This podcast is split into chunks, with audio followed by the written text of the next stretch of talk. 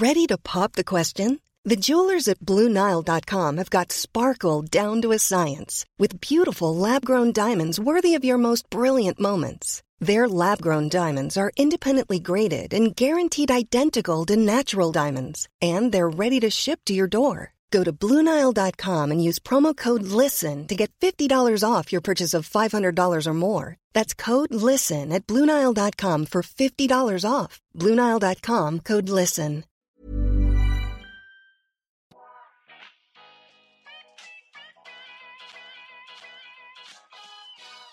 Välkommen till En timme med där jag, Sanja Tigeltia, träffar människor som inspirerar mig som berättar om sina karriärresor, pratar självutveckling och hur de har kommit dit de är idag.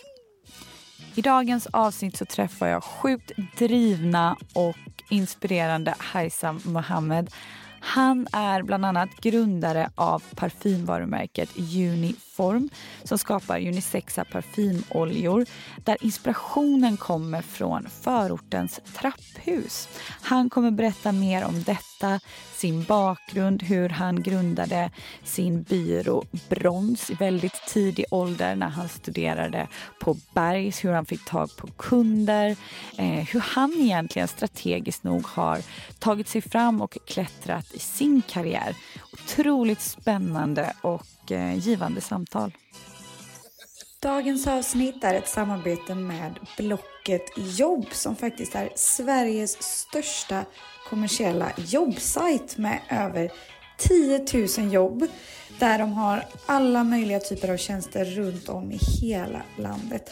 Och kanske är det så att du aktivt söker jobb eller är småsugen på att helt bryta bransch eller bara kika runt. Då tycker jag verkligen att du ska spana in Blocket jobb. Det spelar ingen roll om du är lärare, arkitekt, om du är UX-designer. Ja, you name it. Det finns en superblandning av olika typer av jobb. Och är du osäker på hur du ska gå tillväga så finns det också en massa inspirationsartiklar på sidan, exempelvis om hur man faktiskt tar steget för att byta jobb. Gå in och kika och bli inspirerad redan idag. Rullar vi? Hej! Tja! Fan vad kul att ha dig här. Detsamma. Det är så mysigt här, jag sa det precis. Du känns riktigt avslappnad nu. Men jag, jag kände att jag behövde bli avslappnad. Jag stressade hit och sprang in som Ja. man alltid gör och sen bara så här, nej jag ska faktiskt vara superavslappnad. Ja, du känns närvarande, du har landat. Ja. Kul. Det är du som har den effekten. Är det så? Ja, exakt. Jag tror det är studion också. Man Det blir också. riktigt... Eh, ja, men man kommer ner i ro här och det, det är precis det jag vill. Eh, berätta lite mer om, om dig, vem du är, din bakgrund. Det känns alltid så, eh, så svårt att kanske börja, eller vart man ska börja egentligen. Men, eh, men jag kommer egentligen från en liten stad som heter Hudiksvall uppe i Hälsingland. Mm. Och där växte jag upp och till jag blev men, eh, 11. Mm. Och sen kom jag till, till Stockholm, eller alltid velat åka till Stockholm för det kändes som att det var en, en stor stad och så drömmarnas stad som man eh, som för en liten, för en liten stadsbo eh, känns Stockholm extremt stort. Och då hade jag så mycket energi och ville göra så mycket och var intresserad av så mycket av den kreativa så näringen som fanns eh, både i Stockholm och också i alla stora städer. För att jag, Mm. hade kollat, jag hade kollat så mycket på MTV när jag Ja. bodde i en eh, liten stad. Det var det typ enda man kunde drömma sig till. det, jag var likadan. Can relate. Typ enda och såg alla men, rappare som hade de här fetaste bilarna och ehm, ville bli som dem helt enkelt. Ja. Så att när jag kom till Stockholm så var det som att eh, här måste jag skapa saker. Mm. Och eh, eh, jag var så intresserad av dels mode och kreativitet och design och sånt. Så att jag startade ganska ungt och försöka hitta de personerna som jag säger, vem är eh, vem i staden är duktigast på det och försökte bli kanske vän med dem och eh, inspirerad av dem. Ja. Så på den vägen började det att jag kom in i, i, i, i, eh, men i kreativitetens värld helt enkelt. Men jag också ganska jag har många äldre syskon. Mm. Vi är eh, sju familjer. Och alla de är mycket äldre än mig, jag är lite sladdis. Så jag tror att eh, man växte upp eh, extremt fort. Jag, blev ganska, jag tror att jag blev mogen Mm. ganska fort. Eh, vilket jag har tänkt ganska ofta på om det var om det är en bra grej eller om det är en dålig grej. Men jag tror att för min del så har det varit ganska bra. Att jag har Mm. fått upptäcka ganska mycket saker när jag varit väldigt ung. Och typ alltid velat vara vuxen. Typ. Tror du det är där du har fått din orädsla ifrån? För du känns jäkligt cool, orädd och självsäker. Ja, men jag tror det. Sen tror jag att det finns, eh, jag har insett det på senare år att jag kanske inte är lika orädd men jag tror att jag sätter på typ en så här, en, ehm, jag vet inte vad det är egentligen men att det är typ en, någon fasad är så här, ja. Ja. men jag, jag inbillar mig själv att jag inte är orädd. Mm. Fast egentligen så här, typ när man går härifrån så kommer mina ben skaka och typ så här, ah, fan vad jobbigt det där var eller vad det kan vara. Fast man blir ju det man inbillar sig. Så att i början så jag typ gick efter en eh, jag läste någonstans om att så här, eh, om att vara bekväm i obekväma situationer. Ja. Att om du kan lära dig det så Mm. kommer allt vara så mycket lättare. Mm. Och jag tror att den filosofin har gjort att jag har klarat av extremt, eller det jag har klarat av hittills. Ja, för då blir ju ingenting jobbigt och obekvämt till slut. Det är ju det vi alla fasar för. Det är det vi så här, tackar inte ja till saker och ting för att vi kanske är, känner att vi inte är tillräckliga eller vad det nu kan Mm. vara. Men om man är bekväm med att komma in i rum som du egentligen kanske inte ska vara i, ja, men det är då du utvecklas tror jag. Gud, ja, jag känner bara igen själv varje gång jag varit som mest livrädd i min karriär. Det är då också då jag har vuxit som mest. Mm. Så det är ju verkligen då man lär sig. Men du pluggade på Bergs. Så att jag eh, kom till Stockholm, jobbade med, med mode, startade upp ett eget klädmärke och försökte Wow. med det, vilket gick, var väldigt kul. Ehm, och sen så insåg jag att så här, men fan, kläder kanske inte har ett värde. Eh, alltså det känns inte som att det är värdefullt att jobba med kläder. Nu kommer kanske folk hata mig för det jag säger. Men, men så, eh, och så är det ganska många som kan känna just nu. Men det kände jag efter ett tag att fan, jag vill göra någonting annat meningsfullt. Och då hamnade jag i rek- i reklam som inte, kanske inte... när jag hör mig själv så, här, är det verkligen så mycket bättre? Det är jag tycker det. Jag jobbar också med det. då, får vi, då, tycker vi, då får vi tycka det här. Självgoda. Nej men eh, inte på det sättet utan jag hittade att man kunde jobba eh, med just kommunikation och eh, design på andra sätt än bara kläder. Mm. Så då kom jag eh, in på så här, och jobba på kommunikationsbyråer under en sommar genom att Stockholms stad hade ett samarbete med eh, ett initiativ som heter PART Mm. och tidigare hette Stockholm Open. Och det var att de hade istället för att eh, sommarjobba på men, så här, måla fasader eller plocka skräp som många så här, feriejobbsarbetare under staden får göra så hade några smarta personer kommit på att så här, men, eh, kommunikationsindustrin behöver ju eh, talanger. De behöver unga kanske talanger som kanske inte heller kommer från eh, reklamfamiljer. Typ. Mm. Ehm, och som har kanske andra idéer på vad reklam innebär för dem.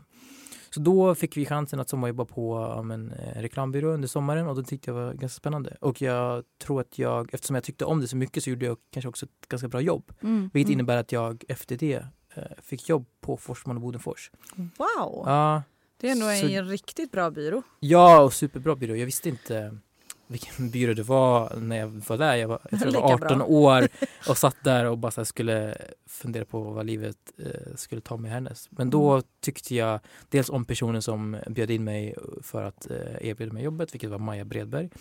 Men också tyckte att de hade fina designmöbler. Jag bara så här, men här kan jag, eh, här kan jag softa och här Mm. kan jag eh, vara under sommaren och jobba typ, och visa alla mina kompisar att jag har det coolaste sommarjobbet. Ja, wow, det hade du verkligen. Ja, det kändes. Och efter ett tag så insåg jag bara så, ah, men fan det här är ganska stort. Typ, de jag pratar med bara så, ah, men det är en väldigt bra byrå. Typ. Ja. det är inte många som eh, kan få chansen att jobba där. Eh, men sen så kände jag någonstans att det som hände var att popkultur och när man pratar om popkultur under den tiden för några år sedan och även idag kan man se det ganska tydligt att popkulturen var oftast svart kultur från så här Amerika, så det var Ja. mycket hiphop och det var vad det nu kan vara. Eh, men det var mycket så amerikanskt eh, hiphopkultur som hade kommit in i lite av finrummen typ. och det var Mm. många så här, beställare och kunder som ville jobba med popkultur och tyckte Mm. att det var häftigt. Och då insåg jag också att ja, men jag har ju konsumerat popkultur hur mycket som helst, alltså även från tiden av MTV, så Ja. där det kanske är mest tydligt att så här, jag är typ, jag förstår det här eh, på djupet, även Mm. fast jag är ganska ung kanske. Och då började jag tänka på så här, "Ah, fan, de här reklambyråerna har så feta budgetar, alltså det är så mycket pengar i de här kampanjerna som de ger ut och mycket av det kanske baseras också på eh, det som jag kan bäst, vilket Mm. är popkulturen. Så då tänkte jag på så här, ska inte jag eh, starta min egen byrå? Eh, Vilket, ja typ så. Ehm, men jag hade inte kontakterna, jag hade kanske inte heller kunderna. Och så var det så många som pratade om bergs, bergs, bergs. Mm, mm. Då bestämde jag mig för efterforskningen att jag ska plugga på Bergs. För att då kan jag starta byrån precis innan Bergs. Eh, vilket egentligen starta byrå, det är bara att jag har en tanke om att jag vill jobba med kunder. Ja, Jag går på Bergs för jag visste att massa marknadschefer kommer dit och föreläser. smart. Så det som jag gör är att jag försöker vara så engagerad på lektionerna. Försöker eh, ja, fråga, ställa bra frågor till de här föreläsarna, vilket är i sig marknadschefen Och sen efteråt så går jag bara fram till dem och säger så här, hej, jag eh, har den här byrån och ni vet att, jag vet att alla behöver content, för det är ganska content-tid. Vi kan erbjuda det ganska billigt och väldigt bra. Typ. Eh, och de nappade på det. Så jag fick eh, mina kunder och började jobba med Brons och byrån på Bergs. Oh, wow. Så att, eh, ja. Och vad erbjöd ni då? Liksom? Men vi erbjöd väldigt mycket produktion i början. Mm. Så det var mycket så här, lookbooks och men, eh, mycket film och foto. mm. Och det som hände var att när man levererade all de här content, alltså all, all, eh, allt material, så kom de oftast tillbaka och bara så här, hej, eh, vi har allt material nu men vi kanske inte vet exakt vad vi ska göra av det. Nej. Eh, har ni någon idé på vad, hur vi skulle kunna aktivera den här, den här kampanjen? Och då började vi också få så strategiuppdrag. Ah. Så då började vi också erbjuda strategi och det är då Exakt. vi blev en byrå. Så vi kanske började mer som en så produktions, ett produktionsbolag ja. och blev till en byrå eftersom att vi fick ganska mycket så strategiska... Coolt! frågor. Och finns byrån kvar idag? Ja, men finns, byrån finns, finns kvar och jag försöker inte ta eh, några uppdrag där för att jag ska fokusera på det som är det som är fokuset just nu, vilket Mm. är Unifrom. mm. Och jag tror att jag har lärt mig ganska mycket av att försökt själv fundera på kan man ha flera saker igång samtidigt Mm. eh, eller inte. Jag vill ju tro det, men jag vill testa att ge det en sak eh, och ett projekt en chans Mm. istället för att ha massa saker. I Det är bra att testa så kan du se sen vad... Men har du alltid varit eh, strategisk? För att det känns som att av att lyssna på dig så, så är du strategisk i hur du agerar. Till exempel när du flyttade till Stockholm att du noga tänkte på vilka som är kreativt duktiga och sedan på Bergs då att du hade en plan på hur du skulle göra. Har du alltid varit så? Eh, jag, jag tror det. Jag tror att eh, jag tror att det är lite by force i och med att här, när man går på bergs, det kostar extremt mycket pengar. Alltså man får inte Mm. glömma bort det här. Och. Innan min tid så var det som att man behövde belåna huset för att få ett lån till bergs. Så, så att, och då får man också tänka på vilka är det som har chansen att kunna belåna sitt hus eller bara ha kontantinsatsen till Mm. att kunna betala. Jo men det är kanske är personer som har men, eh, föräldrar som är lite rikare eller vad det kan vara. Så att eftersom jag hade då tagit lån och eh, betalat för en utbildning eller vad det nu kan vara så var det som att jag, måste få det att fungera. Jag Mm, måste mm. få den här tiden som jag har just nu att få det att fungera och jag har inga andra chanser. Så det innebar det så att ja, okej, men jag går på Bergs men det här måste också bli min arbetsplats Mm. eh, för att få tillbaka pengarna. Och samma sak när jag kom till Stockholm. Jag, sa, ja, men, eh, jag förstod väl ganska fort av att det här är ganska till, till, till många som är unga idag att unga idag är mycket mognare tror jag än vad man var tidigare. Mm. Vilket innebär att man har bara en chans att vara ung och om man kan använda det till sin rätta fördel att så här, du blir mycket mer smickrad av att höra en ung person säga exakt samma idéer som eh, Oh ja. alltså en, eller, som en äldre person har. Så att om du kan komma in i rummet och ha förståelse för saker och ting och säga det, även om, om vi hade suttit där Mm. eh, och, eller om en ung person hade suttit här, väldigt ung person och sagt samma sak som vi hade sagt så hade Mm. det varit häpnadsväckande. Wow, vad coolt. Ja. Så det visste jag ganska ungt. Och eh, jag också hade väldigt så här, stor åldersnoja för att jag visste om att, så här, att när jag eh, fyller år, varje år som jag fyller blir det mindre coolt för Mm. de sakerna som jag gör. Så att om jag är 15 eller 16 år och gör de här sakerna, ja men då blir det en sak. Om Mm. jag är 20 då är det, då är det normalt. Typ. Mm. Så jag tror att jag alltid haft någon press av att så här, måste Men du har fram. rätt. Ålder är en viss typ av fascination i det här landet när man Ja. åstadkommer saker tidigt och det väcker, väcker rubriker, det väcker uppståndelse. Alltså det, är, det är väldigt imponerande för många. Liksom. Exakt. Man känner den här press, alltså Ja. även nu bara så, fan. Bäst före-datum. Exakt, exakt. är sjukt, Det är för vi är galet. så unga egentligen. Eh, Men eh, något jag tycker är väldigt coolt är också att du var den yngsta talaren på Brilliant Minds som, eh, som är riktigt häftigt. Vad, vad pratar du om där? På Brilliant Minds så blev jag inbjuden för att de hade ett segment som handlade om att de ville visa personer som inte var från Sverige typ så här, vad, vad svenskhet är och vad det kan vara och då pratade jag väl mer om så här, eh, Många kanske har en idyllisk bild av Sverige och svenskhet men eh, det finns också kanske saker som jag upplever på grund av eh, attribut som jag har som kanske inte är det mest vackra. Mm. Ehm, det finns ju en ganska st- stor rasism ändå i Sverige Mm. och det får man inte sticka under stolen med.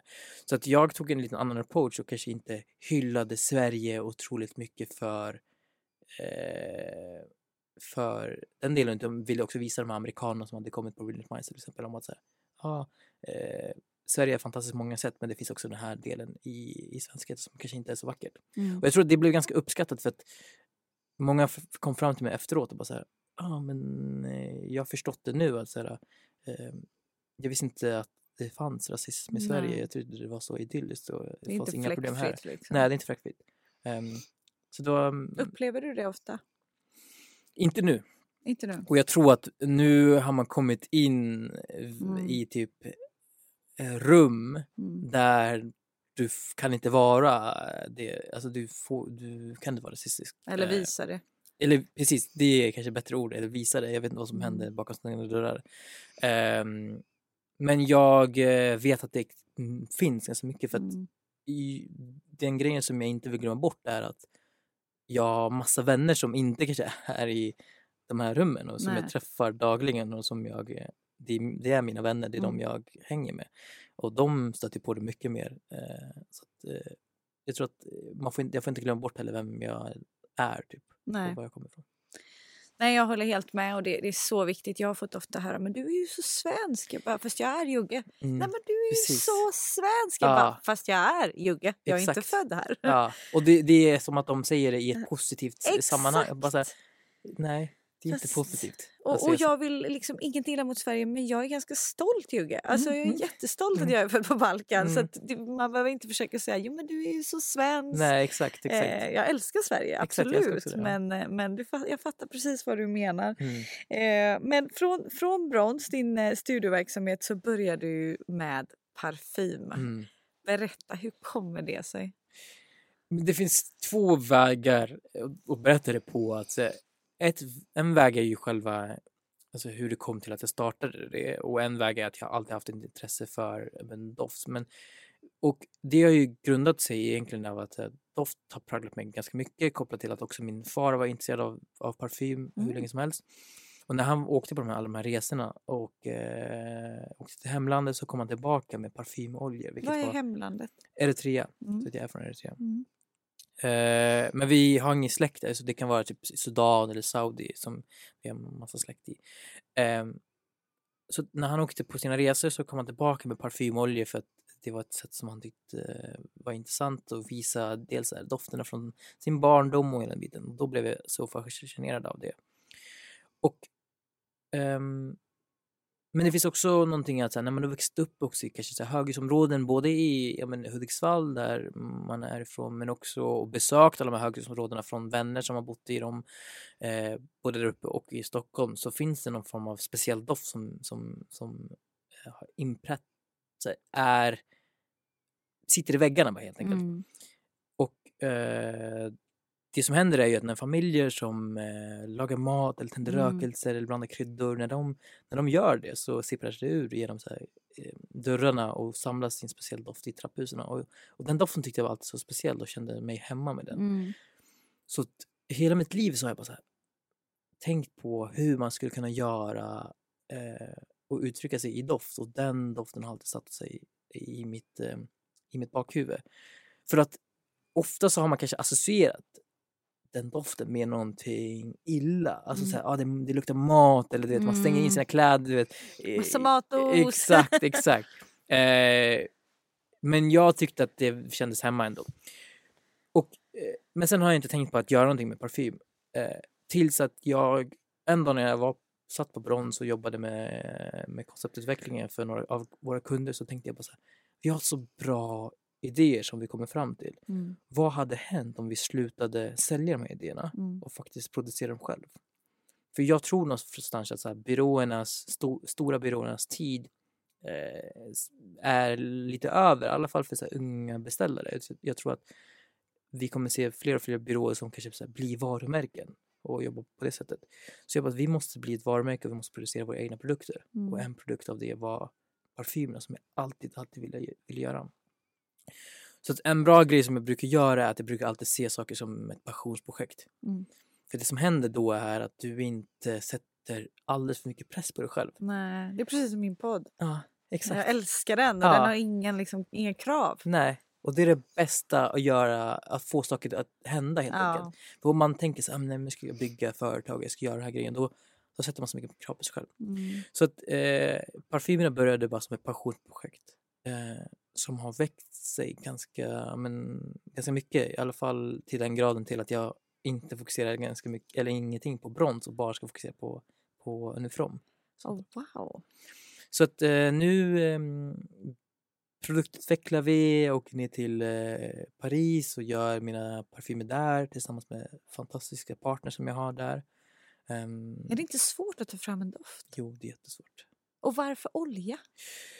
Men olja, eh, det är ett bra tillägg. Och varför jag gör parfym, jag hade inte gjort det om det bara var att jag skulle göra en vanlig, ett vanligt format. Men min pappa hade alltid parfymoljor. Det är Mm. någonting som har varit standard i, i vår kultur lite, att man alltid använder roll-on, alltså så här, mm.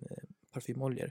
Eh, dels insåg jag sen också att så att det, den är mycket snällare mot din hud och eh, den håller mycket längre. Så det som hände var att jag alltid gick runt med parfymoljor och inte vanliga sprayparfymer. Och så hade jag mm, dem med mig i min ficka. Så när vi var ute, om man var på något event eller om man var i någon svettig lokal eh, och hade någon fest så var det som att när man tog fram eh, parfymoljan och applicerade mitt i festen så kom det bara fram massa handledare i en ring. Typ. Mm. Och sen skulle man bara så här, dutta på och applicera det på alla andra. Och då tyckte folk det var men, intressant och coolt och ville att, och då insåg jag att det här är ganska intressant. Det här vill jag göra någonting på. Mm. Mm. Så att parfymoljorna har varit det formatet som vi jobbar med och jag tycker att någonstans att Unifrom eh, mm, vision och mission är någon form av att innovera parfymindustrin och se hur man kan använda flera olika format Mm. till att parfymera sig själv och inte det standardmässiga. Och hur många, hur många har du idag? Vi har tre idag, Mm. vi släpper två om typ Alltså jag, jag vill släppa dem idag men det har varit lite komplikationer. Jag släpper två till, som heter, en heter Bliss och en heter Dan eh, om cirka en månad. Mm. Och sen släpper vi två till i höst. Wow. Ja, Och, och är det inte jäkligt gött att ha din bakgrund eh, när man ska släppa en produkt med det kreativa, med PR, med liksom allting? jo men det, det, jag trodde att det skulle vara så. Det är mm, jobbigare än vad jag tror för att man är en sån perfektionist. Vilket Ah. har gjort att om inte jag hade varit det så tror jag att jag hade varit så mycket längre fram än vad jag är just nu. Du är aldrig nöjd liksom? Nej, jag är aldrig nöjd och jag mm, tänker att allting kan förbättras. Mm. Eh, och det är så, det är inte många som kanske ser det. Om, om jag tweakar produkten 2% för då mår jag bra. Mm. Ingen kommer fatta det. Nej, Men jag måste göra det för att Ja. jag måste må bra i produkten som jag presenterar. jag köper det. Tänker du aldrig att det kan vara, fördröja processen onödigt mycket? Det, det har absolut jag har gjort det. Jag som är raka motsatsen som älskar att riva av Ja. även om det inte är klart. Så jag behöver mer av en sån som du. Jag behöver dig så att vi behöver varandra. Men ja, det är det har fördröjt det så länge och jag blir arg på mig själv varje gång för att jag vet om vart vi hade kunnat vara.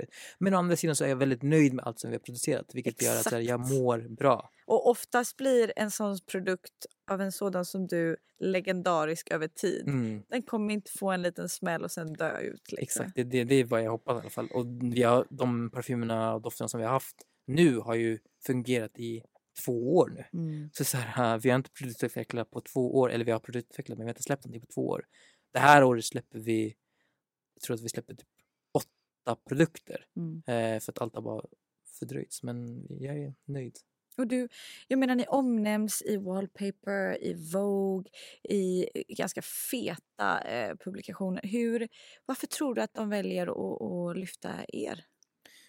Men jag, jag tror att det är eh, ganska enkelt. Att, eh, som jag sa tidigare, jag tror inte jag hade skapat Unifrom om inte jag tyckte att det fanns någonting i det. Att det fanns en djupare dels berättelse, om det fanns ett eh, djupare syfte med det. Och Mm. syftet har egentligen varit att så här, hur, ofta så ser man kanske att de parfymerna som skapas just nu är inspirerade av så här, vackra botaniska franska trädgårdar och hela biten. Och det är, jag har en annan berättelse att berätta och någon, en annan inspiration att berätta och de, den har aldrig fått tagit plats på något sätt. Eh, och man har aldrig sett det som ett, någonting fint utan snarare som någonting smutsigt kanske om man ska vara helt ärlig. Mm. Så att mm, av den anledningen så hade vi en berättelse att berätta redan innan. Så att jag tror att den saken har blivit väldigt intressant för många människor att berätta kanske en annan sida av dels parfymindustrin men också den kreativa industrin. Att man kan Mm. faktiskt hämta inspiration från andra ställen. Och att kan Unifrom eh, skapa lyxprodukter från områden som kanske inte associeras med lyx? Mm. Ja, jag tror att vi kan göra det. Mm. Så jag tror att ehm, tipset är väl att skapa någonting som har syfte. Mm. Eh, väldigt Ja, men ett klichéet. högre syfte, jag förstår precis. Mm. Också med någon story bakom. Ja, men det, Eh. exakt. Det har varit eh, så viktigt. Det är A och den storyn kommer ju naturligt, men Mm.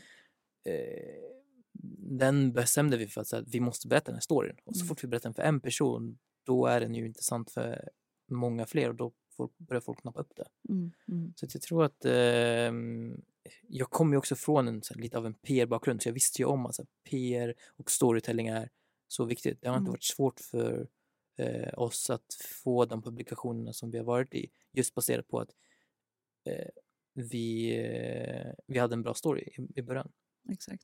Är det någon gång under de här åren eh, liksom med ditt eh, företagande, både för Bronsa och, och även nu, alltså att du känner att det har varit riktigt tufft där du bara säger jag lägger ner där, jag orkar inte. Eller att det har varit motgångar. För att nu hör man ju ah, smooth allting har Ja, gått. det är det som Men, blir problemet. ja, men är det någon gång du känner bara så här, fasken, det här var riktigt tufft?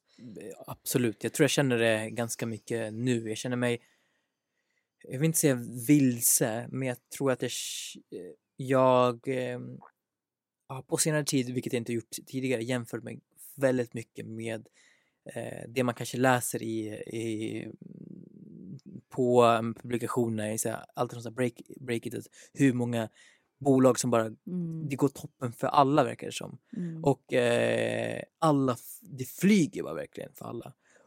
Och som jag sa tidigare, det skulle säkert kunna göra det för mig om jag bara inte var men, perfektionist och bara la lite saker åt tiden. Men det har jag börjat känna att fan, det tär på mig ganska mycket. Att jag jämför mig extremt mycket med alla de andra svenska Mm. bolagen. Så att eh, jag har nog känt på sistone att jag har tappat en liten gnutta av inspirationen och, Mm. som jag hade tidigare. Mm. Vilket jag tror är farligt för min del, för jag tror det är det som är ehm, det viktigaste. Men eh, nu, alltså idag, så Mm. mår jag i toppen. Mm. Jag tror du inte det går i perioder? Jo, jag tror att eh, det absolut går i perioder och jag tror att det farligaste som jag tror att vi kanske båda lider av är att vi baserar vårt, eller det är jag, jag ska inte prata för dig, men jag baserar mitt mående extremt mycket på hur bra det går för mig själv, Mm. alltså i jag jobbsammanhanget. känner igen mig. Och problemet blir också att topparna, de, är, de kan jag ha i, i, eh, i en vecka. När det går dåligt, då mår jag dåligt i två månader. Mm. Vilket inte är rättvist, för jag vill ju må mm, bra lika mycket som jag, jag vill inte må bra lika mycket som jag mår dåligt, men det fattar jag att jag, ja, jag vill också att det ska, balans. Ja, liksom. men det är verkligen att när det går bra så glömmer man bort det efter ett litet tag bara. Mm, mm, mm. Och vad är, vad är målbilden? För nu, nu går det bra. Eh, vi båda kom in här i mötet och sa att shit, livet är rätt gött nu. Vi har bra energi båda två, vi strålade som solar. Vad är planen och drömmarna nu framöver, härnäst? Eh, jag tror att jag har drömt och kikat ganska mycket på eh, typ alltså Europa. Ja. Och eh, hur... Eh, jag tycker inte det finns någon, typ, någon samhörighet med typ, andra europeiska städer. Mm. Alltså, jag tycker inte vi... ehm, Eh, om man är i London så känns det som att så här, men London och Paris och Tyskland, alltså de, man hänger mycket mer över gränserna, man, Mm. man eh, samarbetar med, med varandra och det tycker jag inte vi kanske i Sverige har varit lika bra på. Det beror också på att vi är kanske lite högre upp i landet eller i världen. Så att jag är superspännande på att så här, resa ganska mycket och se eh, andra eh, städer och samarbeta med kanske personer därifrån Mm. och hela den biten. Jag har ju aldrig så här, bott utomlands eller varit utomlands typ en längre period utan jag har alltid varit här i Stockholm. Det känns sjukt för att du, du känns sjukt internationell. Du känns som Ja. att du har varit bosatt i både Paris och London och sättet du, du liksom din kreativitet men också sättet Mm. du connectar med människor. Mm. Nej, jag, jag, har typ, jag har aldrig varit utomlands längre än tre, tre, två månader. Mm. Det är, ja. Och jag, så att, det är nog att jag, med internet så har, gjort, har allting gjorts mycket lättare. Mm, Alltså mm. kopplat till att man kan höra av sig till människor och jag är ganska orädd i, i det sammanhanget. Alltså. Mm. Jag tycker, om jag tycker att en person är duktig så vill jag verkligen så här, prisa den personen och bara skriva det till den personen för att, eh, och bara hylla en person som gör bra saker. Eh, men eh, jag ser väldigt mycket fram emot så här, kan jag typ kan jag bo i Paris ett litet tag? Kan jag Mm. vara där en längre period? Kan jag vara i London lite längre? Eh, och se vad som händer då. Typ. Coolt. Så att eh, jag tar emot alla tips eh, på eh, bra personer, bra platser att vara på runt om i Europa. Ja, det skulle vara sjukt spännande Mm. att följa din resa. Hur, hur eh, har du bott mesta delen här i Sverige? Jag har bott, ja, precis, jag har bott mesta delen här i Sverige och, men eh, när jag arbetade mm, som p-chef på Hästens Mm. så var det en global roll så jag reste varje månad Mm. Och under liksom fyra år nästan och det gjorde hela mitt liv. Mm, alltså det var, det var magiskt, att sta- eller så magiskt att skapa ett nätverk i New York Mm. eller i London. Alltså vänner man började träffa när man kom tillbaka. Exakt. Och att för mig var det guld att lämna Stockholm. Mm. För att jag ibland blir väldigt kvävd i den här stan för att det, är- det är väldigt det är speciell vibe. Det är Mm. väldigt så här, inbördes beundran. Vem Ja. är rel- relevant nu? Vem är inte relevant? Och, och det är säkert så i de andra städerna men i och med att jag var en, en, en liksom besökare Mm. så fick jag bara det goda av allting och lämna den här stan vilket gjorde att jag fick perspektiv på att Stockholm är rätt litet. Ja, Eh, Medan man tror inte det när man bor här. exakt. Eh, och den kontrasten blev jag nästan beroende av. Ja. Alltså jag började knarka affärsresor Ja. typ. Ja. Eh, för att jag fick en kick av det. Liksom. Och man får, jag kan tänka mig det, att man får ganska mycket perspektiv på Ja. saker och ting. Alltså sen när man bara åker utomlands och bara hör andra personer, man ser hur de jobbar. Alltså, ja, Och man tror att man alltid vet bäst här, men Exakt. det vet man inte. jag fick sån respekt för vilka coola och talangfulla människor det finns överallt som man Mm. inte ens känner till. Exakt. Eh, och så kom man tillbaka hit där liksom småsaker och ängslighet blev helt irrelevant. Det var så här, okej, you do you, I will Exakt. do me och så hörs vi kanske senare då liksom. Jag tror att Eh, man vill, typ, eh, jag vill ha, man vill ha sin bas kanske i Stockholm. Man, Ja. vill, så ha, jag vill, man vill ha familj här, man vill kanske bo här. Men jag vill verkligen bara resa mycket mer. Ja, men 100 procent. Du, du kommer göra det fantastiskt och du, jag tror att du kommer älska det. Ehm, annan typ av fråga som jag är nyfiken på. I, I början av din karriär så använde ni bara svarta modeller vid, vid en kampanj och det kom lite frågor kring det här. Kan inte du berätta lite vad som hände? Jo, men jag tror att i- alltså, i början av, av Uniforms eh, skapande och, och så, så hade vi en första kampanjen var mm, vänner till mig och personer som kanske identifierar sig med mig och med varumärket. Så då var, blev det att det var bara svarta modeller av en, men lite av en slump, men lite av kanske att jag också tyckte att de såg coola ut och ville ha mina vänner med. Eh, och efter när vi lanserade så var det som att vi fick ett par frågor från så här, eh, där frågan var egentligen eh, men eh, jag ser att jag bara använder svarta modeller, kommer, eh, tror ni fortfarande att vita kommer att köpa det här? Eller tror, får, eller tror ni att folk kommer vara rädda till att köpa eh, era produkter som in, om man inte är svart? Och, alltså, den frågan är knäpp. Eh, jag vet inte hur jag ska säga det på andra sätt. För att du hade ju aldrig ställt den frågan om det var vita modeller. Alltså, det är inte så att jag tänker när jag ser mm, jag menar, ett varumärke som har vita modeller att inte jag kan köpa deras plagg Nej. eller deras eh, produkter. Det det, du hade aldrig ställt den frågan om det var eh, vita modeller. Exakt. Så det visar ju bara på att det finns mycket eh, kvar att göra i Verkligen. både den här branschen, i, i, eh, ja, men, hos personer som kanske anser att de har bra förståelse men ja. inte har det egentligen. För att det här är så här omedvetna saker som folk eh, säger och om man inte tänker på det utifrån mitt eh, perspektiv som Ja. jag har Ja. så kommer det bara gå förbi. Men det är ju knäppt att säga så. Det, det är helt sjukt för att man hade ju aldrig reflekterat vice versa om det vore vita Precis. modeller eller Mm. ska då svarta känna sig exkluderade och köpa den produkten? Alltså det blir Exakt. Det har ju varit så äh, Det är det hela jag tiden. menar. Exakt, alltså, Exakt, då ska, ska man som svart aldrig köpa en nej produkt. exakt, så då har vi, vi har aldrig på oss någonting. Vi går runt nakna. Ja men alltså det... Nej, jag blir bara eh, sjukt nyfiken på, på hela den frågeställningen och, och liksom hur, hur du tacklade det. Och jag tror att alltså det, ehm, det visar, exakt, det visar bara på, som jag sa, att det finns mm, ganska mycket Ja. att göra. Och det blir också att jag blir mer spårad till att säga, men fan, jag kanske måste ta, jag har inte velat ta en ställning eller pratat om de här frågorna Mm. egentligen. Men jag inser nu att om inte jag gör det och jag kanske befinner mig i rum som vanligtvis personer som ser ut som jag eller vad det kan vara, kanske Mm. inte alltid är i. Ja men då måste jag ta det. Det känns, det känns så tragiskt att eh, dagen man egentligen föds så måste man bli polit, alltså politiskt. Så Mm. Min kropp är politisk oavsett vad jag säger eller inte. Mm. Hur jag ser ut är politiskt. Och det känns ganska tröttsamt. Eh, Mm. för det är ett till lager som man måste balansera i den här resan som, som man gör i, både i livet och jobb och hela den biten. Att, mm. Och jag tror att det är, det är lite som du säger att det är tröttsamt att du ska behöva men om inte du gör det så vem Exakt. Men jag tror också att det du gör eller det du väljer att göra kommer make a difference oavsett om det är stort eller litet. Att man inte behöver liksom sätta pressen på att make a huge difference. Det lilla du gör kommer spela roll. Liksom. Eh, men eh, blir du inte provocerad på att alltid ha svarta modeller? Det hade varit liksom min Ja, reaktion på det. Exakt, alltså vi har inte, vi har inte bara, alltså vi har mm, vi använder oss av de modellerna som Exakt. vi eh, vill använda oss. Sen finns det ett, ett ansvar ehm, eh, på, ett större, på en större plan eller på, hos större, kanske större varumärken.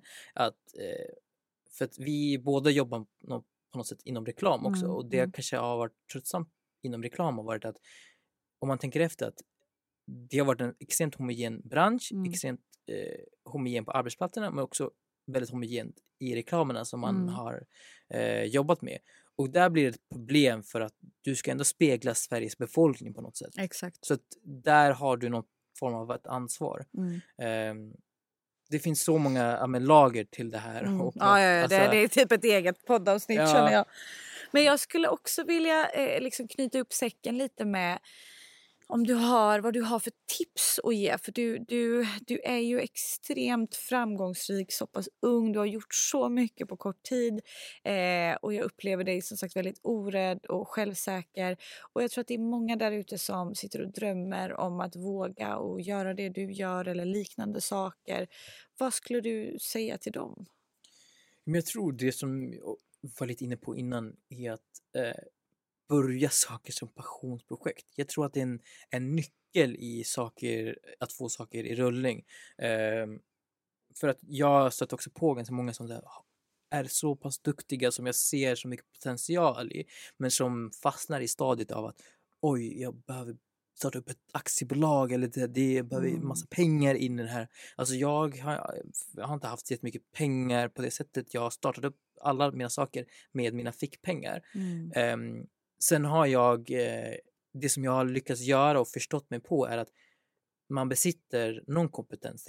Jag eh, kanske har varit duktig på art direction eller varit duktig på Mm. PR. Så det jag gjorde i början av min karriär var att jag sa till människor eh, till exempel mina parfymörer så var det som att det kostar extremt mycket att bygga ett parfymbolag men kunde jag erbjuda mina tjänster dem i utbyte mot rabatt Mm. eller utbyte mot att de kunde skapa den här skapelsen Mm. för mig. Så det man kan göra är att börja se sig själv som att säga, vad har jag för kompetenser? Mm. Är jag duktig på Excel? Är jag duktig på att eh, är jag duktig på sociala medier? Är jag duktig på eh, popkultur? Mm. Använd dem till en fördel när du ska starta upp ditt passionsprojekt. Och om du inte har jättemycket pengar så använd din egen kompetens till Mm. att få människor att göra saker åt dig. Hassla lite. Liksom. Jag hasslar lite. Men jag Folk är tror för att dåliga på det. Ja, ja jag, men jag tror att det är, det är inte att folk kanske är dåliga. Jag tror att bara att Man, inte man, tänker, man på tänker det. inte på det Mm, sättet mm. av att så här, jag kan faktiskt använda mig själv Ja, eh, som en valuta typ. exakt, exakt. Ehm, och sen mest tips är ju att så här, sätt dig själv i massa obekväma situationer. Mm. Eh, alltså speciellt när det gäller typ jobbsammanhang. Att så här, ta jobbet eh, eller sök jobbet som du kanske inte troligtvis kanske skulle kunna få. Men om du är på dem och, och ehm, om de ser att du är hungrig så kommer personer oftast att uppskatta det och eh, värdesätta det lite högre. Mm. Eh, så att var, bli bekväm med att vara i obekväma rum, i obekväma situationer, med obekväma personer. Inte, ni fattar, inte Ja. obekväma personer, men man fattar. Ja. Eh, det har hjälpt mig så mycket. Att Mm. när jag känner mig lite rädd, Mm. när jag är med människor eller när jag är i ett möte där jag känner mig lite rädd och så, oj, ska jag verkligen vara här? Det brukar vara de bästa mötena och de bästa sammanhangen som jag kan sätta mig själv i. Och sen är det typ mm, kopplat till men utbildning har jag fått ganska mycket så här frågor av människor som till exempel som säger hej jag vill börja på Bergs eller jag vill gå på Mm. utbildning. Och jag har en ganska knepig relation till eh, ja, men, utbildning. Mina föräldrar, där finns det inget annat än att du ska mm, Mm. utbilda dig. Ehm, du vet hur- kanske hur det är. Mm. Ehm, men jag tror på något sätt att om du är tillräckligt passionerad och hungrig så kanske du egentligen inte behöver en utbildning idag. Jag skulle nog säga att en utbildning kan vara på att du praktiserar på en arbetsplats, att du försöker jobba dig upp och att, för om man tänker efter, att på eh, nu kanske många är intresserade av till exempel marknadsföring eller vad det kan vara inom den kreativa näringen i alla fall. Och då finns det så många sätt att så här, börja praktisera, börja vara på golvet på ett ställe. Eh, och sen så får du skarpa kontakter. Du får ju kontakter som du inte hade fått på en skola. Mm. Eh, du får eh, med skarpa uppdrag som du kan visa, som du har Mm. varit involverad i. Allt blir så mycket skarpare och så mycket eh, verkligare än att det kommer en fräsch person som har jobb, pluggat fem år på en utbildning men som inte har kanske verklighetsförankringen. Nej, men alltså, jag håller så mycket med. Jag har nog inte dratt nytta av någonting av det. Men däremot kontakter och erfarenhet är det Ja. enda. Liksom. Ja, exakt. Och jag tänker speciellt för personer som, många personer som kanske jag stöter på är de personer som kanske inte har råd till en utbildning på Bergs eller, på en, eller lägga, ta CSN-lån och hela den biten. Så där är det verkligen så här, fan, kika på om inte du kan börja på golvet på ställen som Mm. behöver bara arbetsplats eller arbetskraft. Och sen så kommer du, eftersom du är så hungrig, eftersom du har till och med reach out till mig, du är Mm. 16 år gammal eller du är väldigt ung och du har skrivit mig på DM, då, kommer, då har du instinktivt någonting mer att ge. Exakt. Du, har, du är orädd, så då kommer du lösa det. Och jag tror verkligen alla kan lösa det om man bara verkligen, verkligen vill. Jag tror också det. Att man ger sig fan på det. Liksom. Och någonstans förstår jag våra föräldrar. Jag menar, det är en rädsla, det är en trygghet. Jag menar, pappa, det var som att man hamnade på gatan om man inte hade en utbildning. Men, men, men nu idag, jag ger också samma råd. Liksom, Att så här, fan vad, vad viktigt det är att vara hungrig och, och hellre kasta sig ut i arbetslivet. Liksom. Ja. Och men, Eh, ja, men så är det. det är Mm. många, av våra, alltså, så här, många av våra föräldrar kommer inte låta till att du, att du så här, praktiserar. Alltså, så här, vadå, jobba med, jag tror inte mina, mina föräldrar vet nu vad, vi, vad jag gör men jag tror länge så visst hade de ingen aning. Alltså, så här, vad är det du gör om Pappa dagen? vet fortfarande inte Nej. riktigt. För det är Och inte det- riktigt liksom. Och jag tror att nu är det okej. Ja. Alltså, så här, förut var, blev man frustrerad. Och så Ja. "Vadå, hur kan du inte fatta? Men nu är det så här, det är okej. Ja, Ja, de kommer här. från en helt annan skola. Ja, man accepterar det och typ nästan ser det från deras perspektiv och bara så här, det är bara kärlek att det ändå all, liksom. det, Jag orkar Exakt. inte ens förklara längre. Det är så här, I will Nej. do good. Du kan vara Och du kommer, vi kommer inte förstå du vet, våra, barn, alltså, så här, våra barns eh, yrken. Nej. Vi, vi kommer inte förstå någonting. Vad är det du jobbar med? Nej, det kommer vara... Ja, min mamma brukar ofta säga att, så här, så, att bara, du kommer förstå. Du kommer förstå. Speciellt så här, allt ifrån att eh, ja, men hon, kommer, hon säger bara att du kommer förstå. Och jag tror verkligen det att här, jag kommer förstå hur de tänker när jag har egna barn. Ja. Så att, eh, ja, shoutout mamma och pappa. Samma här. Men eh, hur hittar man till dig om man, vill, om man är nyfiken nu och, och eh, vill staka? Eh, men jag tror att det bästa är nog eh, typ Instagram. Alltså där heter jag mitt, om du bara söker mitt namn så kommer det komma upp. Mm. LinkedIn eh, också. Men jag tror att jag, om man DMar mig på Instagram så är Mm. jag ganska tillgänglig. Och jag kommer ju länka allting. Tusen tack för att du ville vara med. Tusen tack för att jag fick vara med. Det blev så bra!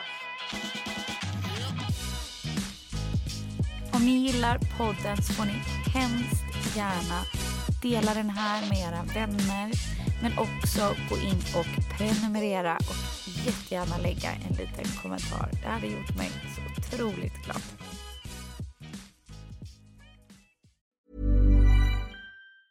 Planning for your next trip? Elevate your travel style with Quince. Quince has all the jet setting essentials you'll want for your next getaway, like European linen, premium luggage options, buttery soft Italian leather bags, and so much more. And is all priced at 50 to 80% less than similar brands. Plus, Quince only works with factories that use safe and ethical manufacturing practices.